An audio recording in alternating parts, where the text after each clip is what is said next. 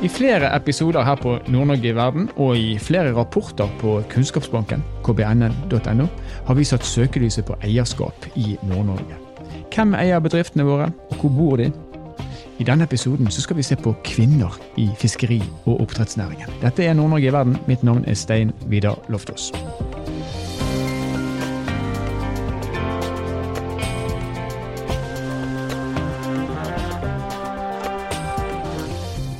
Senere i denne episoden skal vi snakke med Cecilie Skagen Johnsen. Hun er noe så, ja, jeg må si det, utradisjonelt som en kvinnelig fiskebåtskipper. Hun er også fiskebåteier. Men først. Kvinnelige eiere kan knyttes til en tredjedel av verdiskapningen som skjer i fiskeri- og oppdrettsnæringen i Nord-Norge. Det burde kanskje ha vært eh, halvparten, tenker du kanskje, men faktum er at en tredjedel er langt høyere enn i de fleste andre bransjer. Dette slås fast i en helt ny rapport på Kunnskapsbanken, og nå har vi med oss en av forskerne bak rapporten, nemlig Signe Kileskar fra KPB i Bodø. Velkommen til oss, Signe. Jo, tusen takk. Takk for at jeg var med igjen. Ja, Gleden er som vanlig på vår side.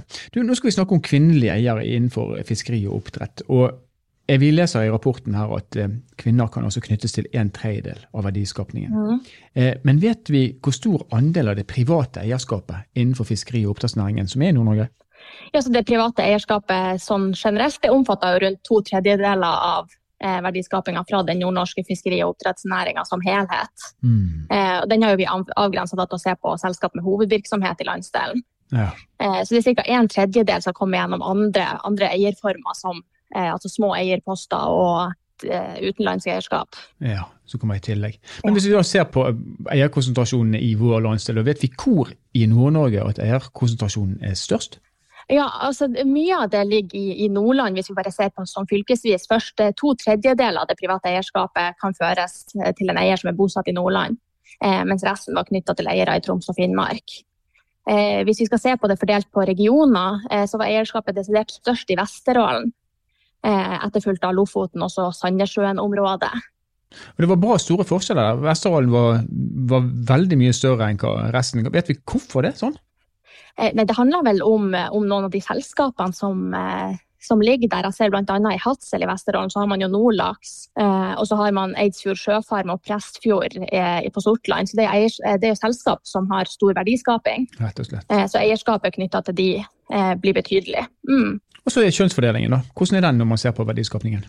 Du snakka litt om det innledningsvis, og det er jo spennende å se at hvis man måler betydninga av eierskap i form av verdiskaping, sånn som vi har gjort, eh, så er det her den næringa i Nord-Norge hvor kvinner har størst verdiskaping, altså i sum, eh, knytta til eierskap i selskap. Ja. Eh, og som du sa, så kan det knyttes til en tredjedel av verdiskapinga i denne næringa. Mm. Og det er lavere enn for menn, men det er langt høyere enn i øvrige næringer. Hvis man ser samla på alle næringene i landsdelen så er kvinners eierandel i gjennomsnitt rundt en femtedel. Eh, så det er jo en betydelig forskjell. Ja, Nesten dobbelt så stor som i næringene på tvers. Men det er også en forskjell, sånn som jeg eh, forstår det, så det er også en, en forskjell i den gjennomsnittlige verdiskapningen når man ser på kvinner eh, kontra menn. Ja, kvinner innenfor fiskeri- og oppdrettsnæringa har langt høyere gjennomsnittlig verdiskapning tilknyttet eierskapsposisjonene sine. Den er vel rundt 3 millioner mot rundt 1,6 millioner for menn. Eh, så det er jo en veldig stor forskjell. Eh, og det kommer jo for at det er jo langt færre kvinner eh, som er eiere i næringa i forhold til menn. Det er vel rundt en 600 kvinner mot en 2500 menn. Men, så det er færre kvinner, men de har høyere posisjoner, altså høyere eierskapsposisjoner og høyere verdiskapning tilknyttet eierskapet sitt. Sånn at gjennomsnittet blir langt høyere. Og Det ser man jo også i den, den artikkelen som vi har skrevet. Så, så har vi en sånn oversikt over topp ti eiere. Eh, og der er jo kvinner de utgjør jo eh, seks av de topp ti. Eh, så det ligger noe i det. Men det betyr at de er da involvert i større selskaper, kan man kanskje si?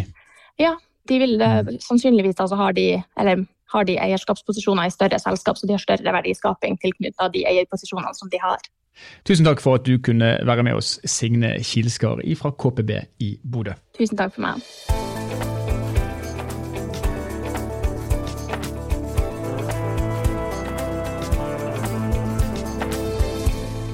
De fleste av oss tenker nok på en typisk fiskebåtskipper som en mann, men det fins unntak. Det fins også kvinner som er fiskebåtskippere, og en av de er Cecilie Skagen Johnsen fra Andenes i Vesterålen. Etter åtte år i helsevesenet så hoppet hun av og ble fisker og fiskebåtskipper på fulltid. Og nå er hun med oss her i Nord-Norge i verden. Velkommen til oss, Cecilie. Tusen takk for det. Du, jeg må spørre deg, hva er det som gjør at uh, du har valgt fiskeryrket? Nei, jeg fant ut at det var en uh, frihet da, som jeg lengta litt etter, og en uh, spenning. Og nokså uforutsigbar hverdag i et uh, annet A4-liv da, som jeg lever med trebarnsmor. og så, så det er spenningssøkinga. Fortell oss, Du sier det er utradisjonelt og det er uforutsigbart. Hvordan er en normal arbeidsdag for deg? Nei da, Vi drar jo da ned i båten og kler på oss oljehyre og sjekker værmeldinger og strømforhold og alt det her. Og så drar vi da ut på feltet. Eh, vi ligger veldig kystnært, så det er jo ca. et kvarter fra land. da. Og så drar vi gjennom garnene og setter de ut igjen. Så gjør vi det ut fra hvor mange lenker vi har da. Og så sløyer vi ned fisken underveis og tar vare på den for å gi best mulig kvalitet. da. Og så vasker vi den ned og drar på land og leverer fisken da, før vi, vi drar og legger oss på plassen vår. Ja, Du får det til å høres ve veldig enkelt ut, men, men, faktum er at du sier du, er, du ligger nært feltene, du, du, holder til på Andenes. altså du, du, har storhavet rett ut. Du er 27 år og du har barn. Er det lett å balansere da, den delen av livet ditt som er et A4-liv med det å være fisker? Absolutt ikke. Det, jeg bruker å si at det krever sin mann. Og, og, det gjør det absolutt. Det er jo eh, vanlige Alle de andre fiskerne her drar ut mellom fire og seks om morgenen, og jeg må jo vente til barnehagen åpner. Så jeg er jo som regel i gang i åttetida. Jeg må jo også være hjemme da før barnehagen stenger fire, mens de andre har litt mer som fritt. da. Og så er det plutselig sammen syke barn da, eller at det dukker opp noe, eller ja. Det er jo mye som skal sjongleres for å få hverdagen til å gå opp. da. Men hva gjør du da, altså hvis du har syke barn en dag, for du har garnene dine ute og fisken må jo, må jo hentes. Hva, hva, gjør du da? Nei, da hvis jeg ikke har uh, barnevakt, da. Mamma bruker jo å stille opp, uh, men hvis det ikke passer for henne, så må de jo rett og slett være med. Akkurat. Hvor gamle er ungene? De er fire, seks og ni. Men jeg må bare spørre deg samtidig, da, for gitt den situasjonen du er, er ung, kvinne, eh, mor til tre barn, Opplever du at folk kritiserer deg for at du har valgt det yrket du har valgt? Eh, ikke i særlig stor grad, nei. Det nei. har jeg ikke opplevd. Det er mange som blir overraska, og mange som blir fascinert og syns det er veldig spennende. Og mange som ikke klarer å se helt hvordan det her skal gå rundt. da. Og ja, Jeg har jo fått sånn kommentar at uh, siden jeg er jente, da, at det går bra nå, men til du får barn? Hvis ikke du kjenner til meg og vet at jeg har barn fra før av. For at uh, det ligger ikke nødvendigvis til rette for å være yrkesfisker og småbarnsmor. Men det går? Du får det til? Ja da, jeg syns det går veldig fint. Og det har jo som sagt jobba i helsevesenet i åtte år, og jeg har mye større frihet nå og går glipp av veldig mye mindre med ungene med denne jobben enn tidligere. Men fiskeribransjen, den er vi må vel kunne si det, den er fortsatt mannsdominert. Der er, så vidt jeg vet, 360 kvinner mot mer enn 9000 menn. Hvordan merker du, eller merker du, denne ubalansen? Det er jo tydelig mannsdominert yrke, så jeg har ikke så mange kvinnelige kollegaer. Men det finnes jo nettverk der som man er i kontakt med andre, så jeg vet jo at det er flere. og vi har jo andre kvinner her på Andenes, så det foregår jo på en måte. Men på arbeid så tenker man ikke så mye på det om man er jente eller gutt. eller Man skal jo være likestilt på en måte, og det skal jo forventes det samme hos alle. Så jeg tenker det at vi skal jo fokusere mer på at de som er interessert, skal, skal være på sjøen. og og de andre skal holde seg på land. da. Er det hensiktsmessig, eller tenker du at vi bør jobbe mer iherdig for å øke kvinneandelen innenfor det yrket?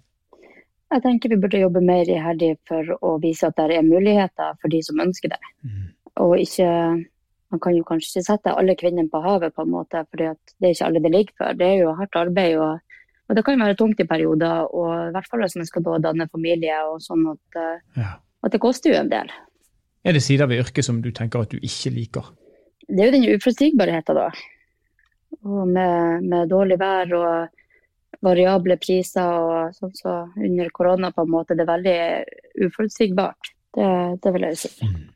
Vil du anbefale andre kvinner å gå den veien du har gjort? Ja, det vil jeg absolutt gjøre. Og jeg opplever at vi blir veldig godt tatt imot i yrket, og at folk er åpne for å gi en sjanse Så fremst man klarer å bevise at dette er noe man ønsker, og dette er noe man får til. Men det er nok nødt til å være en interesse der, for det er mange som prøver seg som ikke er interessert i fiskeriet, bortsett fra lønningen, på en måte. Og da vil man ikke nå særlig langt. Nei. Men du hadde prøvd dette før du tok steget? Ja da, jeg er vokst opp i en uh, fiskerfamilie og har vært med på kaia og skjært torsketunge siden jeg var fem år. Og fått lov til å være med på sjøen siden jeg var lita sjøl. Så det er jo noe som, som har ligget hele veien. Det var bare at når jeg fikk barn i, i ung alder, så var det det jeg forventa av meg at jeg skulle ta meg en trygg utdannelse og finne meg en trygg jobb og gjøre dameting, da. Så når jeg fikk han andre sønnen min, så kjente jeg på det at, at jeg hadde en dragning. Ja. Og engasjerte meg litt mer da, fikk være med mer på havet. Og så ble jeg da selvfølgelig gravid på nytt igjen og tenkte at nei, det her går jo absolutt ikke. Med tre barn og alt det her. Men så kjente jeg etter hvert at jeg var nødt til å gi det en sjanse. Så, så, da var det bare å gi alt. Og så ta permisjon fra, fra jobben da, i kommunen og, og satse alt på det. Og det har gått egentlig overraskende bra. Og du blir? som fisker? Ja, det vil jeg tro. Jeg har ikke noen andre, andre mål i sikte. Tusen takk for at du eh, var med og delte din historie, Cecilie Skagen Johnsen. Ja, takk for det.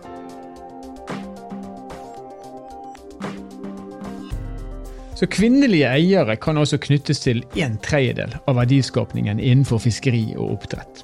Ser man på alle næringer samlet, er tallet en femtedel, eller 20% så det er altså en bedre balanse innenfor fiskeri og oppdrett.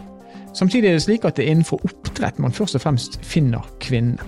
Det tradisjonelle fiskeryrket er underrepresentert når det gjelder kvinner. Men da er det jo litt forfriskende da, å høre om kvinner som Cecilie, som velger bevisst et yrke som er supermannsdominert, og som samtidig beviser at det er ingen grunn til at ikke kvinner skal kunne drive som fisker i Nord-Norge i 2021. Nord-Norge i verden er en podkastserie som er laga av Sparebank1 Nord-Norge i samarbeid med Helt Digital. Musikken du har hørt, er laga av Emil Karlsen. Mitt navn er Stein Vidar Loftaas. Vi høres igjen i neste episode.